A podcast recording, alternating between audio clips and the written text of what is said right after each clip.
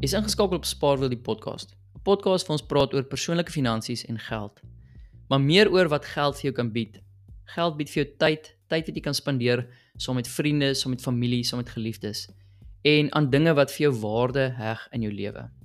Luister lekker saam en stuur enige vrae of kommentaar deur op Instagram spaarwiel_podcast. Asai, vandag sit ek lekker op die mikrofoon saam met 'n vriend en uh Ja, goeie vriend van my, C Smit van FFG. C, ek het jou nou al intussen so voor die episode gegroet, maar uh, ek glo dit gaan goed.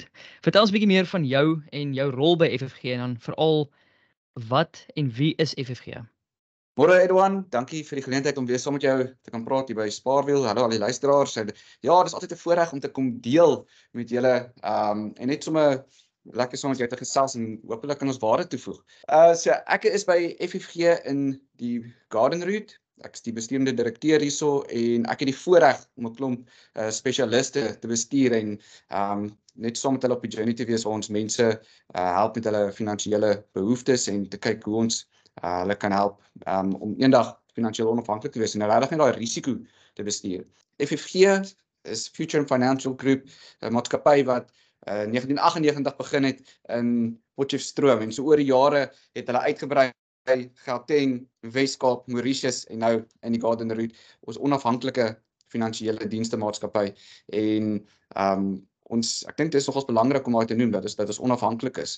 Ek dink baie keer gaan klop jy aan 'n deur van iemand en ehm um, hulle kan net vir jou vertel dat een versekeraar die beste is. En en dan moet hulle vir jou sê dat jy wat ook al jou behoeftes moet inpas by daai versekeraar. En ek dink die voordeel van om 'n onafhanklike ou voor dit te hê is dat ons het geen ons word glad nie finansiëel voorgetrek deur enige versekeraar nie.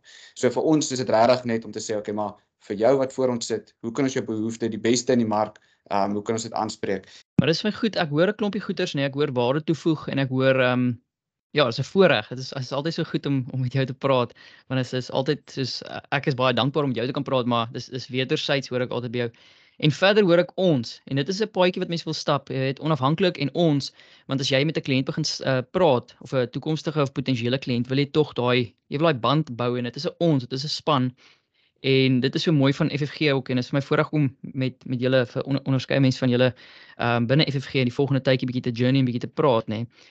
En jy het genoem risiko en dis presies waar ek en jy vandag gaan praat is risikodekking. Ek dink dit is waar dit is die dit is vir my ten minste die kern en die begin van van enigiets kom by ehm um, persoonlike finansies is om te gaan kyk okay risikodekking en daarna kan jy na die upside kyk. Want as jy nie 'n soort van 'n as jy nie bepaalde vangnette het nie dan is dit 'n free fall as dinge verkeerd gaan in in sekere ekonomiese tye.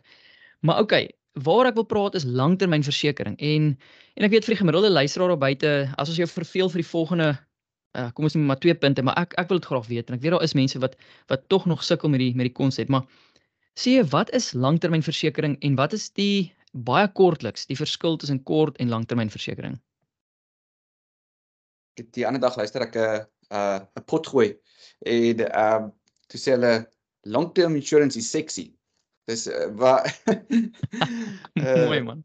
Uh, maar ek dink langtermynversekering is dit is dis 'n meganisme om jou om om jou risiko te beheer. Ehm um, nie almal het noodwendig die die finansiële bates om hulle risiko self te verseker nie. Ek dink as jy 'n uh, 'n uh, 'n lekker beleggingsportefeulje het en jy kan self na al die risiko's kyk en dit daaruit dan sal dit fantasties wees, maar dis 1% dalk wat dit kan doen. Die meeste mense het nie noodwendig daai finansiële backing um, op die einde van die dag nie en dan is daar nou 'n meganisme wat jy kan gebruik om jou risiko te verseker. So baie mense sal ook praat in plaas van langtermynversekering sal hulle sê jou risikoversekering.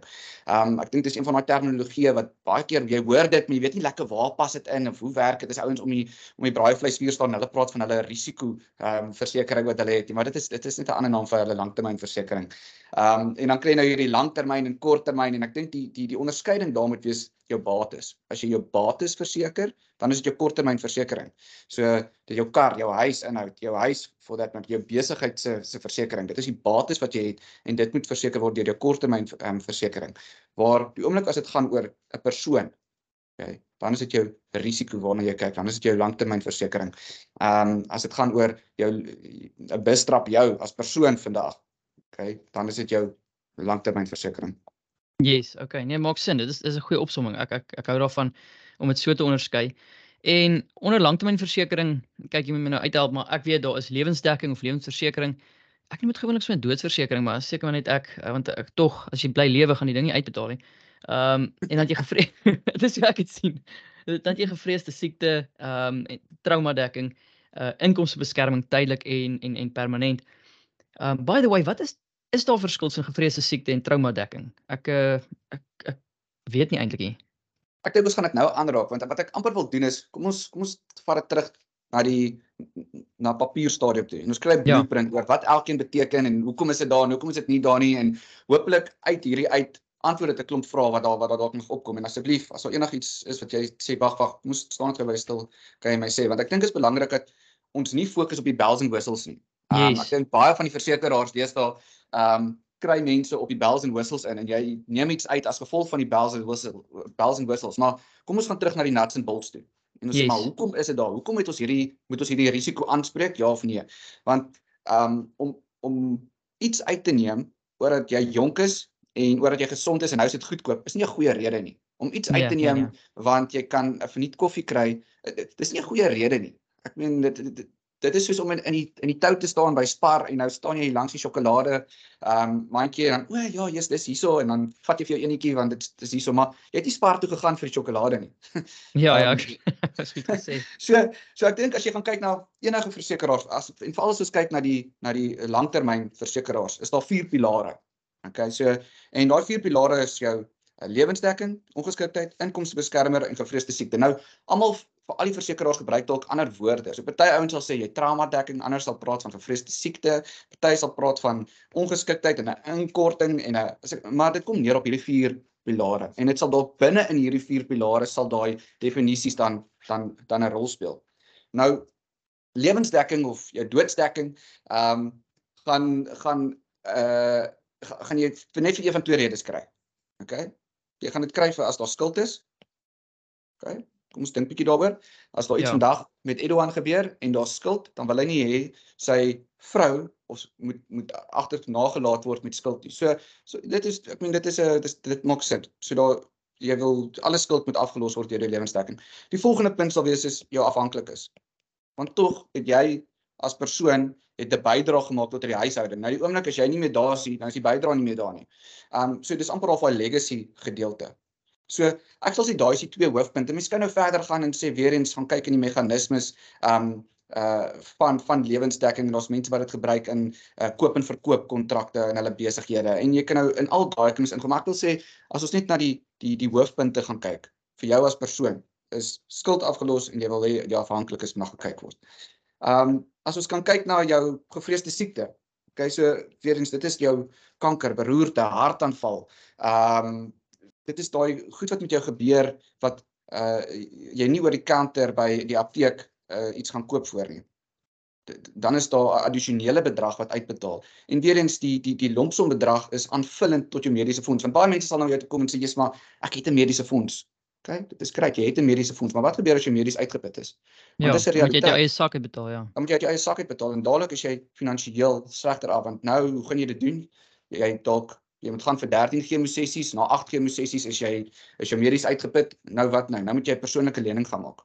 En nou sit jy in 'n in 'n situasie waar om te kan oorleef, moet jy 'n lening maak, maar nou is jy finansiëel slegter af.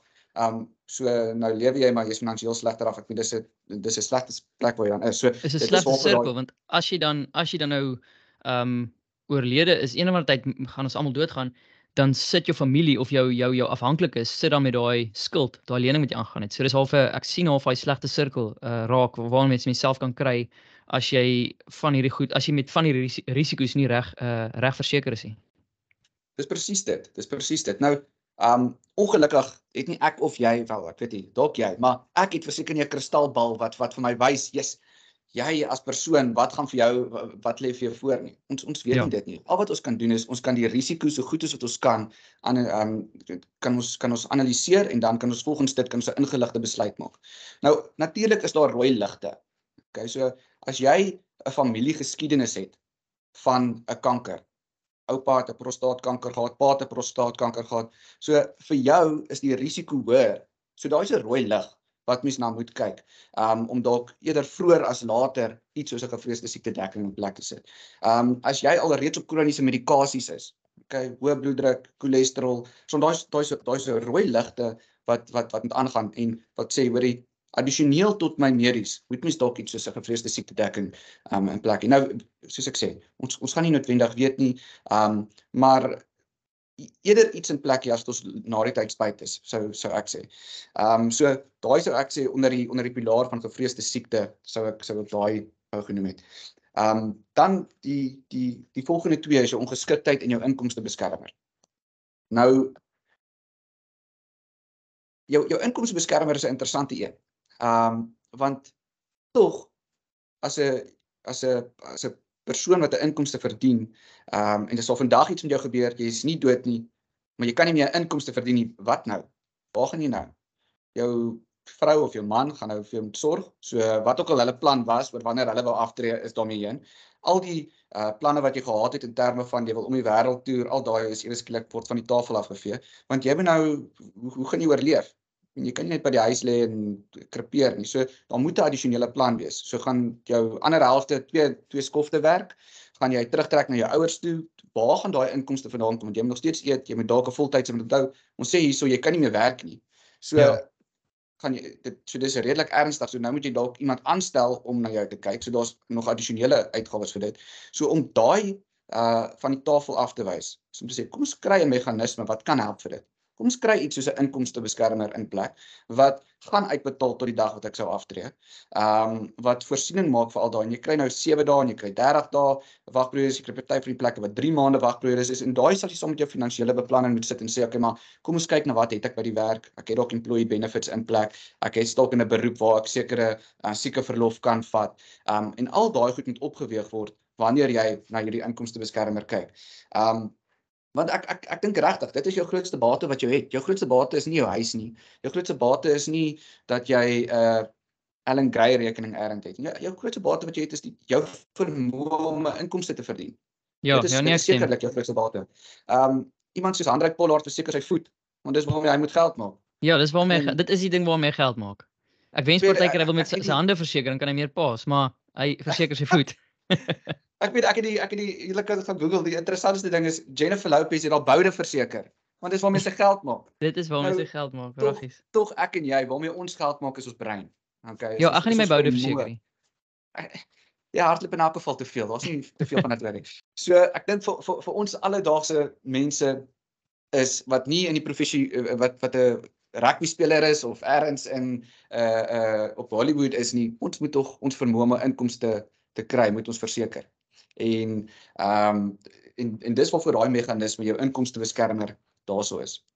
Nou jou lompsom ongeskiktheid want baie mense sal ook met my redeneer en sê okay, jy's maar hoekom het ons al twee? Want ek meen dit is jy kry 'n lompsom ongeskiktheid en dan kry jy jou inkomste beskermer. En baie keer, dis nie te sê dis altyd nie, maar baie keer word dit deur dieselfde ehm um, geval word daai getrigger wil ek sê. So jy's in 'n kar ongeluk en dan is dit dis daai ongeluk wat maak dat jy op die inkomste kant en op die ongeskiktheidskant um 'n 'n eis sou kon gehad het. Maar mense moet dit amper half in verskillende doele sien. Okay? Die aan die een kant moet jy jou lewensgehalte aanpas. So kom ons sê jy is in 'n kar ongeluk. Nou is jy in 'n rolstoel. So nou moet jy ramp bou by die huis. Jy moet 'n ander kar kry. Jy moet dalk 'n groter stort kry. Daar's daar's is daar's 'n lewensgehalte wat moet ewe skielik aangepas word. Ons kan nie 5 maande buite die huis bly voordat ons genoeg gespaar het op ons inkomste beskermer om 'n ramp te bou om in die huis te kan kom nie. So daar's 'n initiële hoeveelheid geld wat nodig is. Um ons moet dalk iemand gaan sien in 'n ander land um om vir ons 'n exoskeleton te bou. Ek meen so daar's 'n daar's 'n initiële hoeveelheid geld wat nodig is en dan gelukkig het ons 'n inkomste beskermer om ons daarna te kan deurdruk of deursien in daai situasie. So die twee loop eintlik hand in hand. Dit is nie afsonderlik ja. van mekaar nie. Um ons kan ook nie sê dat ons net 'n lompsom gaan vat want ek het al daai redenasie ook gekry wat mense sê okay maar as ek permanent ongeskik is, dan gaan ek 'n lekker groot lompsom bedrag belê en ek gaan dan daai inkomste trek um op die einde van die dag. Maar wat gebeur as jy kom sê jy's 'n uh jy's 'n tandarts, jy verloor jou been. Ek meen jy's nie ongeskik nie. Ek meen jy kan nog steeds jou werk doen. So ja. jy gaan nie daai lompsom bedrag kry nie, maar nou vir al die tyd wat jy nie by die werk kon gewees het nie, wat jy nie 'n inkomste kon gemaak het nie, daai paar maande vir van rehabilitasie. Nou het jy nie 'n inkomste gehad nie. So weer eens ek mens kan dit nie net afsonderlik gaan sit nie. Mens moet die twee in per half sou ek sê saam sien. Ja, hulle gaan hand in hand en dan nog 'n voorbeeld wat ek kan dink is ehm um, as jy nou as jy nou net die lomsom gedeelte uh, sou kry en jy dink jy gaan daai belê, maar daar's 'n rede hoekom jy dit kry. Dit jy moet daai ramp gaan bou. Jy moet jou huis wat op trappe in het, moet jy nou skielik ehm um, jy moet ook in 'n ander huis dan gebly as hy trappe net, maar jy moet jou huis so maak en jou kar so maak en jou en eintlik jou lewe om jou so maak dat jy nou kan rondbeweeg met daai rolstoel en 'n redelike normale lewe het. En daai as jy daai onderskat wat daai gaan kos, dan bly daar ook nie veel meer oor om te gaan belê om vanaf maandeliks te leef nie. So as daar's vir my net net nog 'n rooi lig daarso, maar ek sien hoe die twee hand aan hand gaan en is is goed verduidelik. Ja, en ek ek weet ook nie soos as daar vandag iets met my moet gebeur. Nog 30 jaar oor van uh van uh, kom ons sê ek is 35, ek op 65 sou aftree, so dis dis 30 jaar se inkomste wat wat daar nog kan wees. Minder bietjie meer, minder of dalk bietjie meer of wat ook al dit, dit mag wees. Maar kom ons werk op 30 jaar. OK. Ek meen as as ons daai inkomste gaan kyk, gaan dit baie meer wees as wat ek ooit nou sou kan. Ek meen dit sal kom sê 100 miljoen as ek dis omtrent seker wat dit sou moet wees om te sê as ek nou 30000 rand 'n maand verdien vir die volgende 30 jaar en ek laat dit groei met 'n 8% jaarliks. Um, ja. wat daai lompsom moet wees wat ek nou moet kry. Uh, as jy dit net op die lompsom bedrag sou gevat het, dit dit dit sou nie sin maak nie. So en daai is amper onbekostigbaar om daai versekerings uit te neem. Ten minste dit sal vir my onbekostigbaar wees met wat ek nou verdien om 100 miljoen um, versekerings uit te neem op op op 'n lomsom te kry. So Ja, en ek, nee, al, al het jy die al het jy die die fondse gehad vir dit. Ehm um, ek dink om versekerbare belang aan die versekeraar te bewys dat hoekom hulle nou vir jou 100 miljoen moet gee vir op op jou lewe. Ek meen dit gaan nogal 'n interessante speletjie raak. Ehm um, want natuurlik hulle die die die versekeraars kyk ook na al hierdie goeders en dan hulle het 'n aktuaris aan hulle kant wat wat hulle nou moet sê hoor is ons bereid vir die premie wat hierdie ou betaal om daai bedrag neer te sit. Ehm um, want dit kan wees dat dit na 1 maand gebeur en dan moet hulle 100 miljoen neersit. Ek, ek weet ja. nie of jy sekeraar gaan kry wat dit sal doen nie. Mense vergeet partykeer in versekerings dat daar wel, dis dalk ek het vergeet, maar daar is 'n 'n party aan die ander kant. Iemand wat moet pa staan vir daai bedrag as daai as daai eis goedgekeur is en hulle het ook, soos jy sê, aktuaries wat vir hulle gaan uitwerk. Ehm um, wat is ja, wat se tipe risiko behoort hulle? Want is ook 'n risiko vir hulle om iemand te verseker. En uh, Ja, dit dit maak nogal sin. Ek het juist daai versekerbare belang nou hier neergeskryf want ek het later vrae op dit, maar jy het gesê lewensdek, ehm um, die inkomste en en ongeskiktheid wat saamgaan. Vier pilare. Wil jy dit so saamvat en dan daai vier verstaan want binne dit by elke versekeraar gaan dit dalk bietjie links, bietjie regs, die die die naam gaan dalk verander, maar dit gaan neerkom op daai vier. So ek wat se gee my nou die moeilike vrae asseblief, eers wat. Wel, die vraag wat ek het en ek het eintlik 'n paar vrae gekry en en en dankie vir dit vir, vir van die luisteraars. Daar's 'n paar wat deur WhatsApp gekom het, maar ehm um, grootendeels deur e-mail. Al ja, ek vra vir vra op Instagram, maar ek sien e-mail is die manier waarop die vrae deurkom. So dis ook great. En ehm um, ek wil weet byvoorbeeld jy praat van versekerbare belang. So op wiese naam of op watter persoon kan ek persoonlik ek Edon Creer op wie kan ek lewensdekking gaan uitneem. Want ek hoor baie en dit is weer eens ehm um, braaivleisvuur praatjies en ek was nou onlangs weer bietjie in Suid-Afrika en en daar was 'n paar braaie. Ehm um, dat daar sekere mense sê hulle neem byvoorbeeld op hulle ouers lewensversekering uit. Maar ek sukkel om die versekerbare belang te sien. Ek verseker Miskien is my situasie net soveel anders as hulle sin. Maar so net om my vraag kort te hou, op wie se naam kan mens dit uit gaan neem? Ehm um, as ja, as ek dit nou so sleg kan sê. So op jou eie lewe is daar is daar natuurlik versekerbare belang.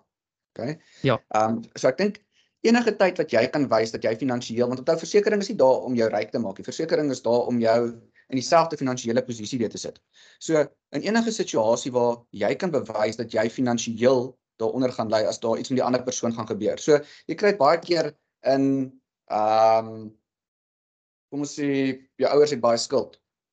OK, dan het jy tog versekerbare belang want as hulle doodgaan, dan moet jy nou ewe skielik dan gaan jy nou erf jy die plaas wat klomp skuld het. Okay, nou hoe nou? Jy het nie nou daai daai daai finansies om die skuld af te los nie. So dan is daar 'n uh, uh versekerbare belang op jou op jou ouers se lewe.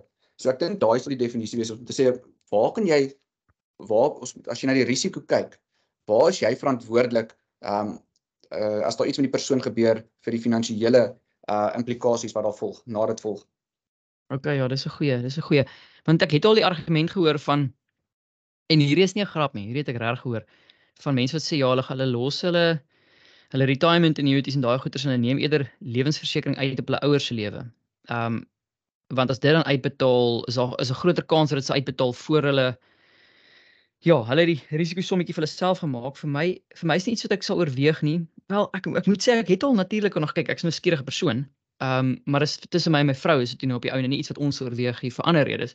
Maar dit is dis nogal 'n goeie punt daai, die as daar skuld is in die in die boedel en dit kom dan nou oor aan jou kant toe en jy het miskien nie die financial means om dit te betaal nie, dan lê hierdie geleentheid dan om daai daai dan te verseker en jy weet dan kan jy ten minste eh, die die die boedel oorneem ten minste skuldvry of laat die skuld afge ehm um, laat die skuld gedek is voordat daar die die die paar sente wat oorbly na jou kant toe kom. Uh ja, okay, so baie keer as jy uit die ehm um, waar waar mense maar wat is weer eens hoe hulle die meganisme gebruik. Want kom ons sê daar's nou 'n boetie en sussie en pa te plaas. Okay, nou ja. boetie wil die plaas hê, maar nou wil hulle nie die plaas sussie wil nie iets met die plaas te doen hê nie.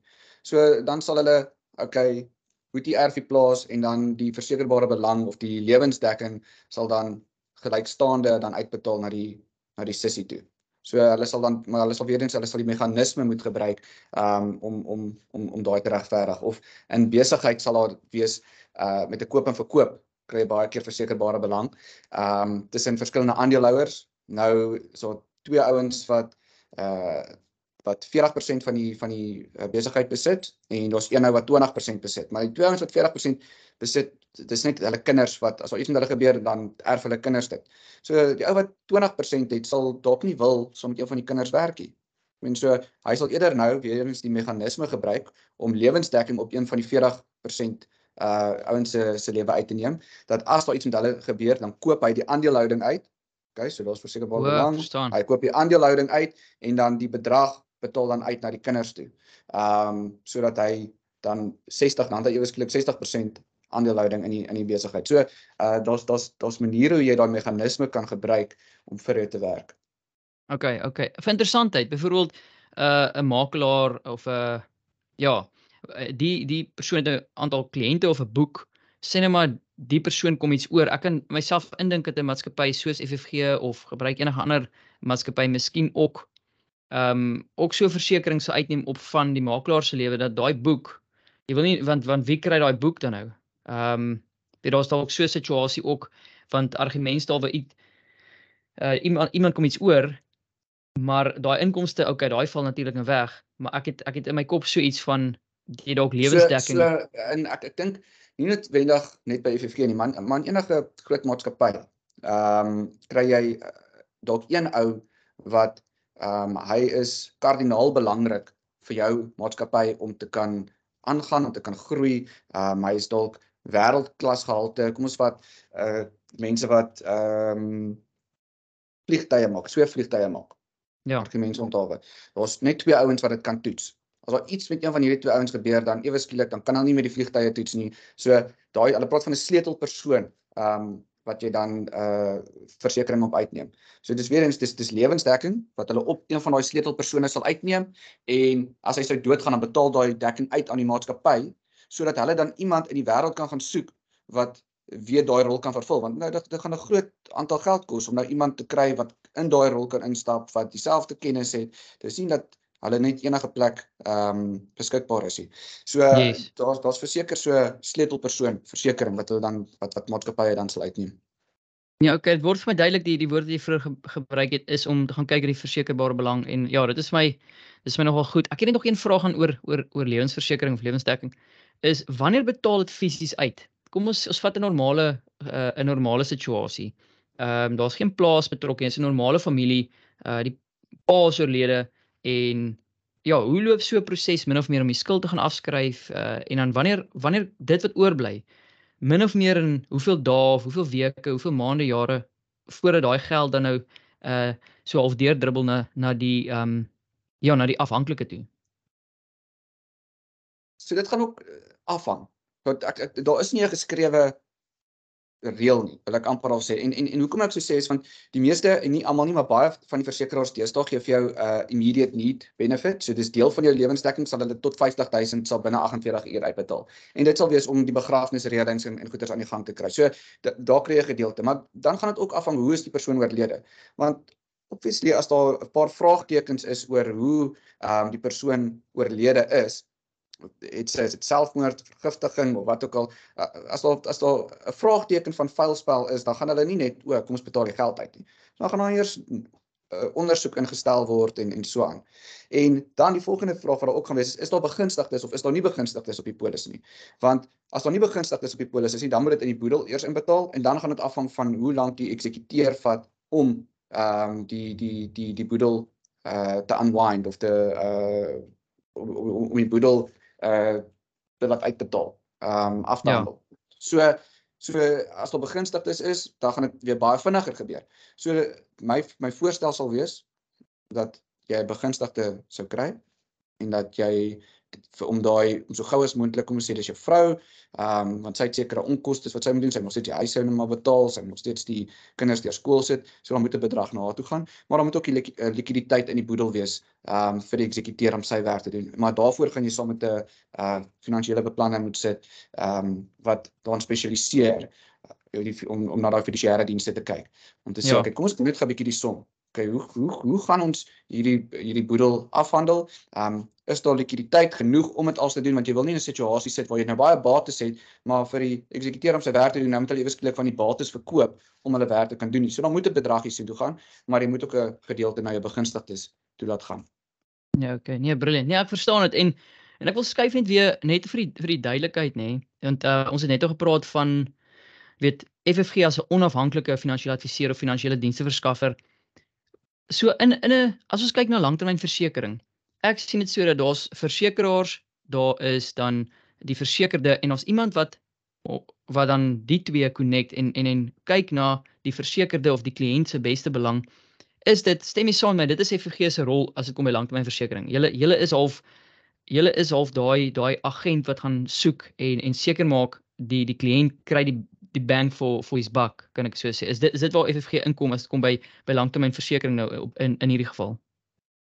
Ek dink verseker so. Ek dink so uit 'n kliënt se oogpunt uit, ehm um, het jy het jy adviseur nodig met wie jy kan ehm um, deel wat jou planne en behoeftes is en wat jy wil doen met jou finansies want dis dis amper al vir die ehm um, wil sê dit is 'n dit is 'n jy jy het net hierdie abstrakte idee van ek wil eendag aftree of ek wil 'n besigheid groei, maar dan kort jy nou iemand om te sê, okay, maar hoe gaan ons daarby uitkom? Verstaan so jy het ja. adviseur of iemand nodig wat vir jou kan sê, okay, kom ons skryf konkrete planne in plek met alles wat daar buite is, want daar's nogals baie geraas daar buite met almal wat sê hulle produk is die beste en goed om uit al daai uit te sif en te sê, okay, vir wat jou behoefte is, gaan hierdie die beste wees.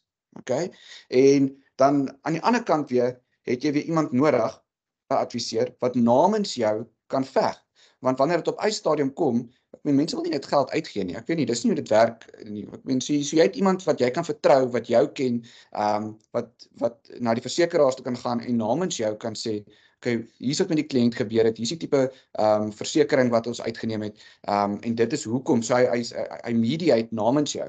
Ehm um, so dit is amper half die rol. So dis die ou wat daar tussenin uh jou help met jou plan om te sê okay, dis hoe ons daar gaan uitkom, dis die produkte daar buite, dit gee vir jou clarity, ehm um, gemoedsrus, maar dan ook wanneer daar eis is dat jou vrou of jou man ehm um, met hierdie ou kan gaan praat en sê okay, en en jy kan dan weer uh met die versekeraars gaan gaan werk. Want anderste ehm um, bel jy in en jy praat met 'n call center persoon en jy moet elke keer die storie oor vertel en jy weet nie eintlik wat het die ander jou ander helfte gehad? Het hulle ooit iets in plek gehad? Het hulle nie iets in plek gehad nie?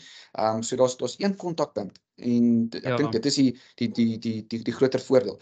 Ehm um, en om dalk met ek dink weer die, die ander voordeel van 'n uh, plek soos 'n FFG is dat as daar iets met my gebeur as adviseur, is daar 'n stelsel in plek dat 'n kliënt kan nog steeds inbel al is ek nie meer daar nie en een van die ander adviseur kan dadelik optel wat is gedoen, wat is nie gedoen nie, wat is daarso en hulle kan dan weer die proses verder vat.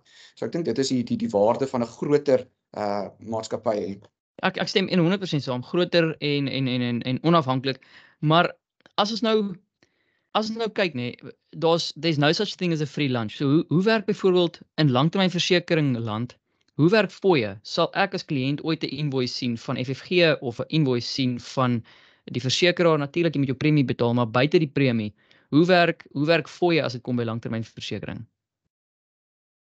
So hulle wil as jy gaan kyk hoe dit in in in ander lande nou al reeds werk of daar's al baie lande waar dit al reeds so is waar jy begin jy betaal vir die dienste gelewer. Dit sal wees soos wat jy as jy na 'n dokter toe gaan, jy betaal iemand wat wat wat na jou kyk. Ehm um, of 'n prokureur. Uh maar in Suid-Afrika is dit nog nie noodwendig so nie.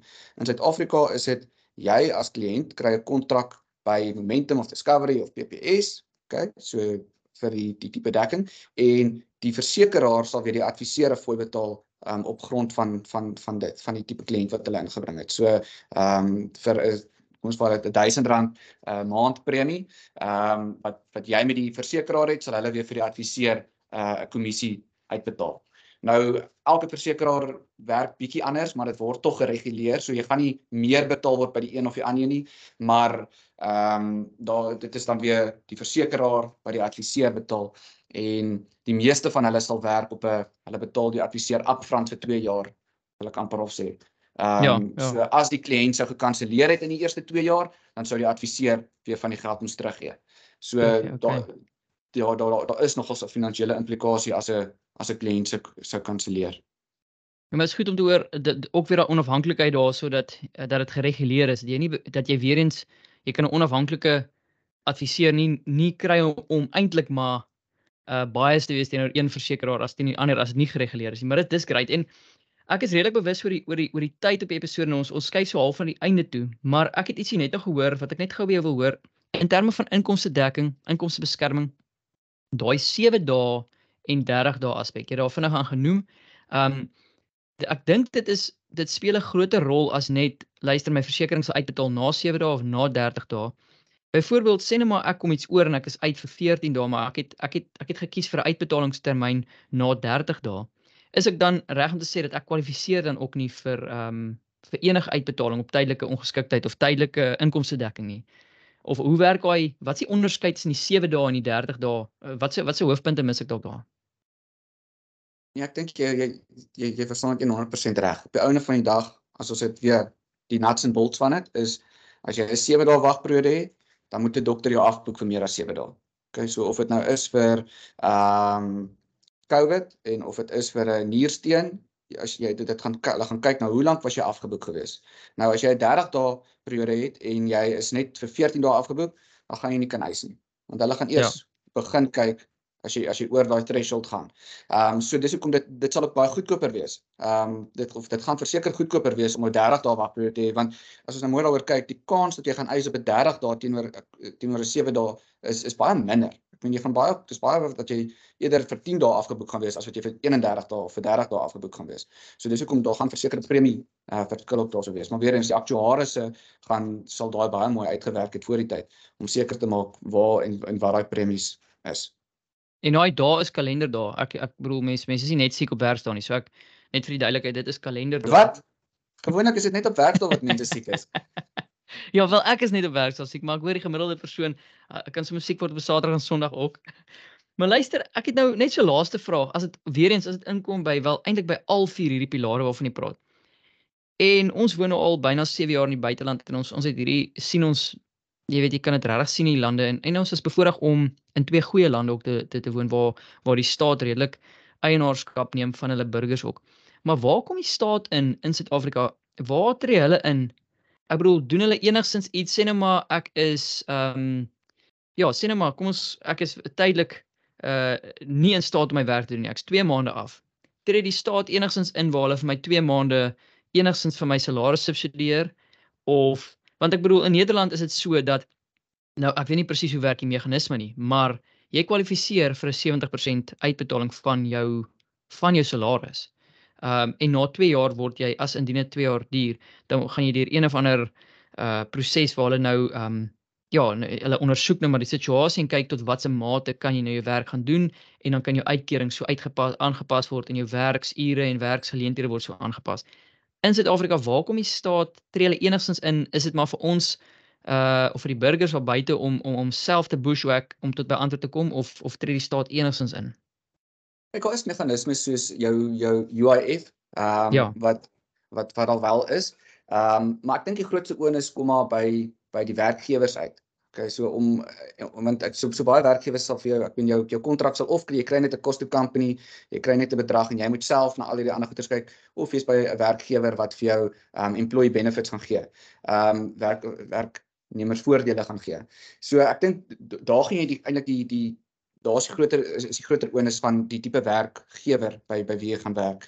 Ehm um, en ek dink dis een van die goed wat jy moet kyk wanneer jy na na werke skuif, is daai voordele want want dit maak 'n verskil. Is om te sê maar kry jy kry dalk 3 keer of 5 keer jou jaarlikse salaris op ehm um, op lewensdekking ongeskiktheid. Ehm um, en party van hulle gee medies by. So ek dink daar gaan jy uh, 'n groter verskil sien as wat jy noodwendig by die staat gaan kry, maar daar is meganismes soos UIF wat die staat wel in plek het.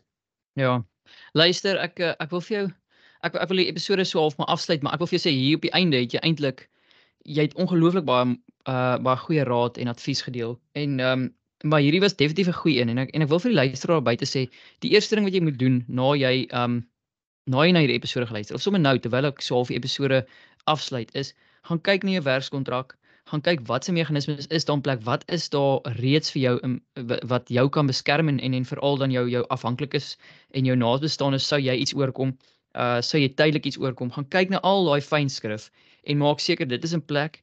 En dan die tweede ding is um kontak vir uh, ja, kom in kontak met FFG, maar kom veral in kontak met C.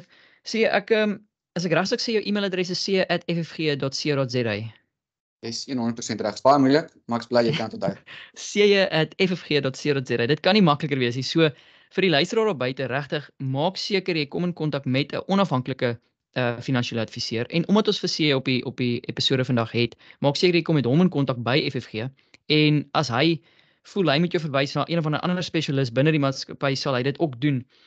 Sien jy regtig um ek sê vir jou veral dankie vir daai laaste tip is ek dink dit is dis elke ou se eie verantwoordelikheid om net te gaan kyk wat het ek in plek En dan tweedens, met wie kan ek partner? Met wat soos byvoorbeeld die FFG om seker te maak dat ek alles binne my persoonlike finansiële sfeer, as ek dit so kan noem, in plek kan kry om een my risiko te dek en twee op een of ander manier ergens my lewe by finansiële onafhanklikheid te kom en drie my naasbestaanes in 'n beter posisie te plaas of in 'n net so goeie posisie te plaas soos wat wanneer ek eintlik op hierdie aarde is. Dis hoe ek dit wil opsom. Is daar ietsie wat jy op die einde net so wil wil toevoeg?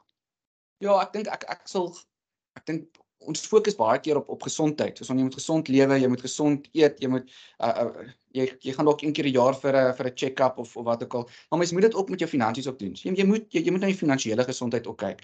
En ongelukkig ek dink 'n klomp mense het maar 'n uh, volstrys sindroom met hulle kop in die sand en jy en jy hoop net maar vir die beste. Jy gooi hande in die lug en, en jy hoop maar vir die beste. Maar ek ek wil julle aanmoedig om regtig om om ten minste een keer 'n jaar kom by 'n uh, finansiële adviseur uit. Ehm um, sit saam met hom, iemand wat na die hele prentjie kyk en nie net fokus op een afdeling nie en ehm um, laat jy jaarliks dit aanpas want want life happens. Ek meen wat laas jaar hoe jou hoe jou situasie laas jaar gelyk het hoe dit nou lyk kan drasties verskil. En om net weer daai daai ehm um, ingesteldheid te hê om te kyk na jou finansies om seker te maak jy jy het 'n goeie finansiële portefeulje en ehm um, jy werk na dalk 'n goeie finansiële portefeulje toe. So daai is nogals belangrik vir my. Ja, is brilliant. Jy los my altyd met so met so lewe, lewensles ook want dit is regtig so. Dit is 'n dit is een van jou gesondheidschecks wat jy moet doen per jaar en dit is daai finansiële check en jy kan op die interim kan jy ook klein maandelikse of kwartaallikse checks doen, maar ek, ek vind dit ook so belangrik om net een keer per jaar een groot check te gaan doen en as dit nou nog is saam met ehm um, saam met FFG dan is dit nog soveel beter ook. Sê baie dankie vir jou tyd en ja, dankie dat sommer net kan praat oor iets wat ehm um, jy het my beloof dit gaan seksie wees. Ek kan vir jou sê, is nie seksie nie, maar dit blerry nodig hoor. dankie Edouard, dankie vir jou tyd. Ek waardeer dit. Is altyd lekker om saam met jou uh, tyd te spandeer. En vir die luisteraar dan sien ek julle weer of of julle hoor my ten minste weer in die volgende episode.